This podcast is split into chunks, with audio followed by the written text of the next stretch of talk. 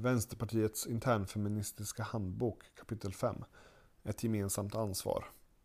Att vi har ett tydligt maktperspektiv i vår feministiska analys innebär inte att kvinnor har ensamt ansvar för, att, för det feministiska arbetet utan både män och kvinnor behövs för att vi ska bli framgångsrika. Vi har dock mycket olika erfarenheter och behöver därför ha olika roller i arbetet.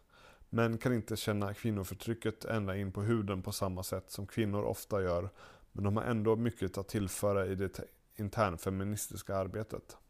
Ojämställdheten är hela organisationens problem och därför bör organisationen stå för de verktyg som krävs för att förändra situationen.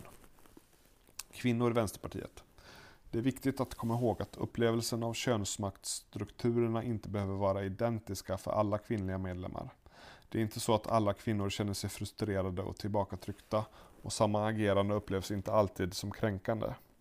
Därför måste kvinnorna själva ha rätten att definiera problem och situationer så som de upplever dem, snarare än att man förutsätter saker. Det kan ta emot att se sig själv som underordnad och därför försöker många kvinnor övervinna maktstrukturer i sin omgivning genom att förneka dem. Det är viktigt att inte anklaga de kvinnor som inte känner sig förtryckta för strejkbryteri. Alla upplever inte allt på samma sätt eller känner helt enkelt att det är det bästa sättet för dem att agera. Det ligger dock något väldigt värdefullt i att konstatera att man inte är ensam i sin utsatthet, utan att kvinnor som grupp är utsatta för ett strukturellt förtryck. Viljan att göra något åt det förtrycket är grunden för en feministisk organisering.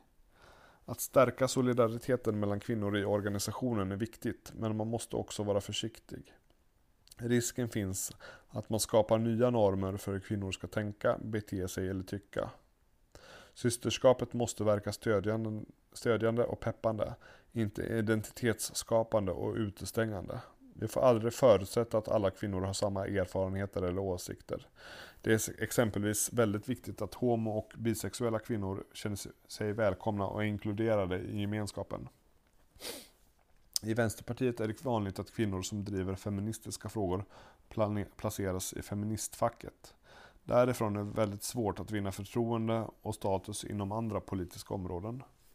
Oviljan att bli reducerad till kön kan få kvinnor att undvika att hålla en för hög feministisk profil och visa ett för stort engagemang i feministiska frågor. Detta förlorar naturligtvis partiets feministiska arbete på, både internt och externt. Män i Vänsterpartiet. Män har inte något självklart materiellt intresse av jämställdhet. Män utgör den privilegierade gruppen och har snarare intresse av att kvinnor hålls underordnade.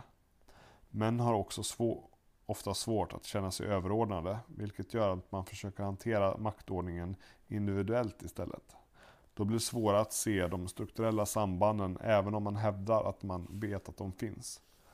Ytterligare en förklaring kan vara att män ofta är ganska ointresserade av tjejers och kvinnors liv och därmed har dålig kännedom om deras villkor. Det behöver inte bero på ovilja utan snarare att män, generellt sett, är mindre beroende av kvinnors handlande än tvärtom. Samtidigt är mäns förhållande till feminismen dubbelt. Visst tjänar man på högre löner och fler maktpositioner. Men som man begränsas man också av den rådande genusordningen eftersom normen för manlighet ofta skiljer sig från hur man är eller vill vara. Om uppdelningen i manligt och kvinnligt inte fanns och varje människa istället kunde forma sin egen identitet skulle det innebära en stor frihet också för män. Därför kan män både förlora på och gynnas av den feministiska kampen. När män väljer att definiera sig som feminister möts de ofta av en mycket stark positiv respons. Därefter behöver de inte göra så mycket mer, vare sig vad det gäller att fördjupa sig i feministisk teori eller att aktivt vara med och bidra praktiskt och bedriva praktiskt feministiskt arbete. I ett patriarkalt samhälle har män som grupp ett gemensamt intresse och behov av att hålla ihop och försvara sin överordnade ställning. Även inom Vänsterpartiet måste vi vara vaksamma på hur män försöker söka sig till varandra för att utveckla politiska idéer, diskutera något de har läst eller höra hur andra tänker i en specifik fråga. När män vänder sig till kvinnor kan det ibland handla om att få berätta och förklara eller för att få bekräftelse. Det är inte ett jämlikt möte. Det är inte heller ovanligt att kvinnor döljer sin kompetens för att män blir så mycket trevligare om de inte känner sig hotade. Sådana här saker sker oftast omedvetet, men konsekvensen är att det reella inflytandet för kvinnor beskärs. Detta måste Vänsterpartiet motverka, så att kvinnor får samma möjlighet till att ta plats, få makt och utrymme.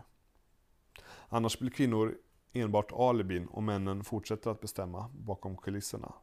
Det är inte alls ovanligt att män dubbar och väljer ut en specifik kvinna att stötta samtidigt som de inte flyttar på sig för kvinnor som kan stå på egna ben. Det är mycket svårare att bara flytta på sig än att få vara mentor åt en kvinna som behöver hjälp. Det är en högst mänsklig känsla att få bli bekräftad och känna sig behövd istället för att känna sig överträffad och onödig.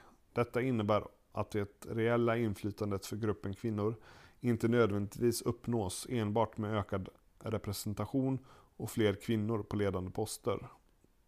Kvinnor som backas upp av många män tenderar ibland att hålla andra kvinnor utanför och på så vis försvåras en strukturell förbättring för kvinnor som grupp. Det är inte särskilt konstigt att kvinnor väljer strategin att vara lojala med männen eftersom det inom vissa ramar kan vara en fungerande strategi för att få plats och utrymme. Vänsterpartiet måste vara noga med, vilka beteende, med vilket beteende som premieras inom organisationen. Exempelvis bör inte kvinnor som tar för sig stämplas som hårda och svåra och män som stöttar specifika kvinnor i specifika situationer bör inte få en massa gratis feministpoäng.